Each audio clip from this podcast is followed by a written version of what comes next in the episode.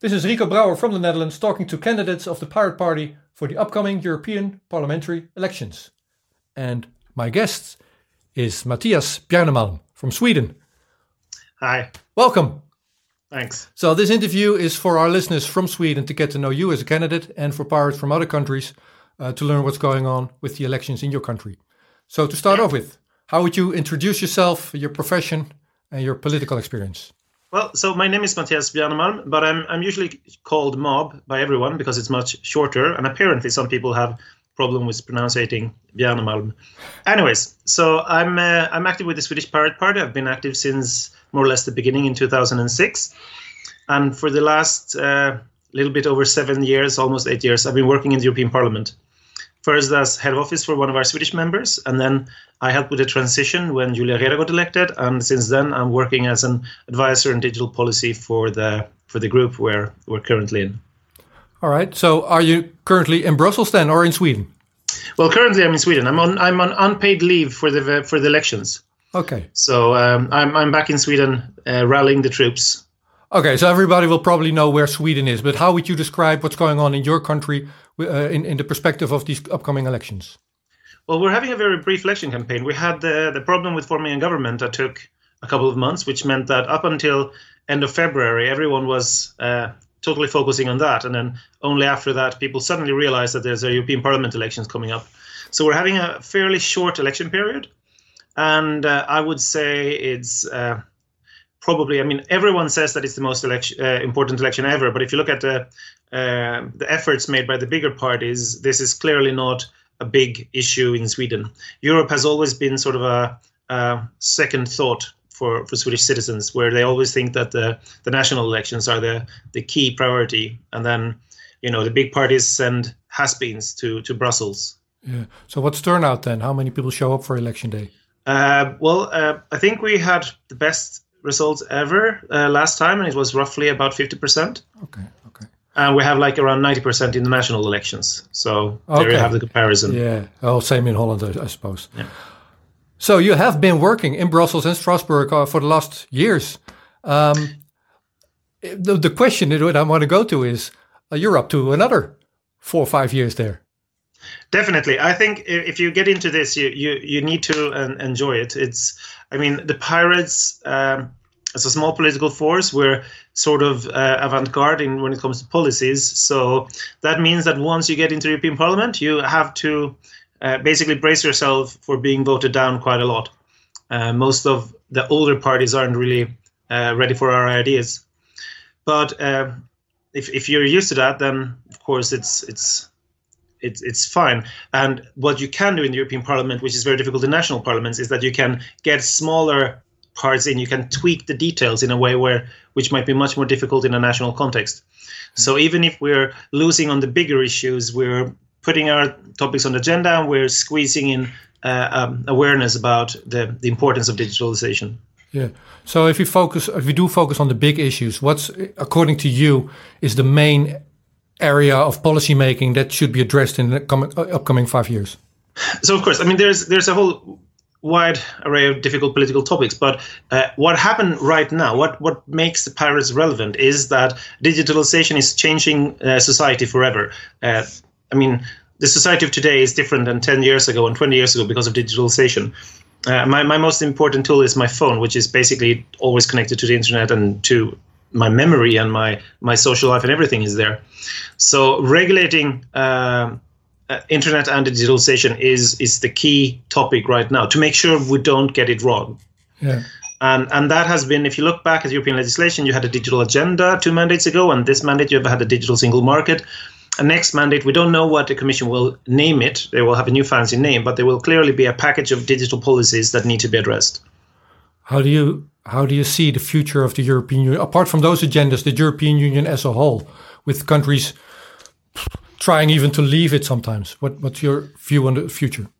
Well, um, I think if you look at the numbers, the, the, the attempts of the UK to leave, uh, and I'm still fairly confident they will leave eventually, uh, has reduced the interest in the rest of Europe for, for leaving the EU.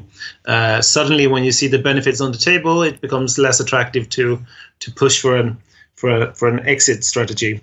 But uh, that is uh, as important as it is. Membership questions is a very secondary uh, nature for the European Parliament that is mainly handled by by the Council. So um, whether there will be, I mean, what we see up ahead is a few former uh, Yugoslavian countries trying to join during the next mandate. That's the only shift in memberships that we mm-hmm. we can predict. But but that is ma- basically entirely out of the scope of the European Parliament elections. Okay, so you have been in the in the European Parliament or working at uh, Julia Reda staff over the last couple? No, I'm, I'm working as a policy advisor for the for the group, so I'm not oh, working in her office. Oh, thank you for clearing so, that. Up. So I, I okay. when when she got elected, I worked for her for a couple of months, yeah. uh, setting up her team and uh, setting up her office, and then uh, after that, I got recruited by the group to work uh, with digital policies for the entire group. Excellent. But that is sort of an arrangement between the pirates and the group. Okay, thanks for clearing that up. Um, you will be full full out pirate for Sweden then, though. the next time around. Oh yeah, definitely. So I'm running for the Swedish Pirate Party, and uh, currently I'm on leave from work, yeah. so I can focus on the campaign. So, um, but you have worked with um, pirate parties throughout Europe uh, these last couple of years. I, I, remember seeing you here in Holland in 2017. Oh yeah, definitely. I mean, I, I, on my free time, I, try to help out uh, pirate parties where I can. I've been to Holland for elections. I've been to Iceland for elections. Um, and uh, I've been to a lot of other countries meeting the local pirates in Czech Republic and Germany over the years. I was also part of setting up the European Pirate Party uh, and was on the board there for, for a short while. And uh, I was part of setting up the European uh, the Young Pirates of Europe. Yeah. So I've been working with the the community of, of pirate parties and pirate youth organizations throughout the years. But that that I do in my free time. That's not my paid work. No, but that is something that the uh, in which the Pirate Party as a as a pan pan country movement uh, it, is set aside from all the other local parties, if you will. I mean, there's DiEM25 and, uh, and and maybe some other ones, but Pirate Party is the is the one true uh, party that extends countries. I think uh, to, to, a large extent, you're right. I mean, uh, the other political groups have pan-European parties as well, but I think the co- uh, coherency within those parties are much lower than with the pirates, where we have a an identity that is clearly identical wherever you go. If if you go to, I mean, I've I've seen that when I travel. When I go to the Czech Republic and I meet the local pirates, they they look and they talk and they act exactly like the local pirates back in Sweden or the pirates I met in Iceland. We might differ on, on smaller details on policy when it comes to things that have you know different countries have different cultures and some issues but but at the core values all pirates are the same wherever you go in europe. And that's a pretty remarkable uh, experience. But it's also not surprising because i mean we're all uh, uh, digitally active so we constantly talk to each other uh, across borders. And then of course you build this common identity and common culture. Yeah. So julia reda has become somewhat of an authority on copyright reform uh, over the last period. Um, if you were elected how would we look back on your term uh, in five years from now? Well, so having seen her remarkable achievements, I, I can't say that I will be uh, as big of a star in the EU bubble as she's been, uh, but I can strive towards it. But I will mainly focus. So the copyright reform is more or less done. Otherwise, I would be all over it because I mean it's been my main focus for work for the last uh, five years, more or less. But um, what we see coming up is a lot of regulation on um, on filters which will go beyond the copyright directive. So you have the terrorist content uh, regulation, and you have uh, probably the the overhaul of the e-commerce directive, where we can also see discussions about filters. So uh, I will probably focus mainly on a, on a fundamental freedom of speech uh, approach when it comes to the digital sphere. So the right uh, to share thoughts and culture uh, over the internet. Uh, and that, that is the fundamental struggle. If we lose that, everything else will pale in comparison. If we don't have the free and open discussion online, we won't have it anywhere. Yeah, well put. So, final question. Um, these local parties that you have in all the participating countries, they are working together in groups in the European Parliament. Uh, you have the Greens, you have ALDE, and you have a bunch of other ones. Uh, how do you position the Pirate Party in that landscape, if you will? So when the Swedish Pirates got elected in 2009, we decided to negotiate with a couple of the different groups, mainly focusing on ALDE and the Greens. Um, and uh, we back then decided that the Greens were the best platform for us to push for our agenda. And then when Julia got elected five years ago, uh, we negotiated with the Greens and uh, with ALDE, but also with GUE. Uh, and she also came to the conclusion that the Greens served uh, the best purpose at the time. Uh, we will do the same now, but the difference is that for the first time we expect to have pirate parties from multiple countries elected. So what we have agreed on is that all pirate parties will negotiate together and go to the same group.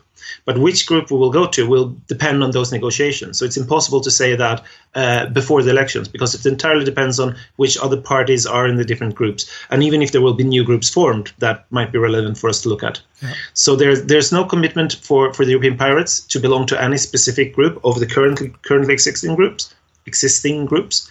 Uh, but there is a commitment to go together, all European pirates as one. Excellent. All right, so excellent. Uh, any last remarks that you want to give uh, to uh, pirates all through European Union or pirates in Sweden? Well, uh, I wouldn't want to address this to all the pirates that aren't in Sweden. Uh, look at the pirates in the countries where we're running and see how you can help. There's tons of way of, of pushing our topics and raising awareness around um, candidates. Um, and in, in other countries than your own, or you can come visit us and help us on the ground. I mean, we can easily find uh, couch surfing for people arriving to Sweden who want to help out with elections. So if, if you want to get involved and there's not a pirate party in your own country running, just get in touch with us that are running and, and we will help well, and we will help you help us. Excellent. So, thank you so much, uh, Mattias Bernemal from Sweden. Um, this video and other videos will be up on a website called European-Pirate Party.eu. Uh, thanks for this talk and good luck in your elections. Thanks. Take care.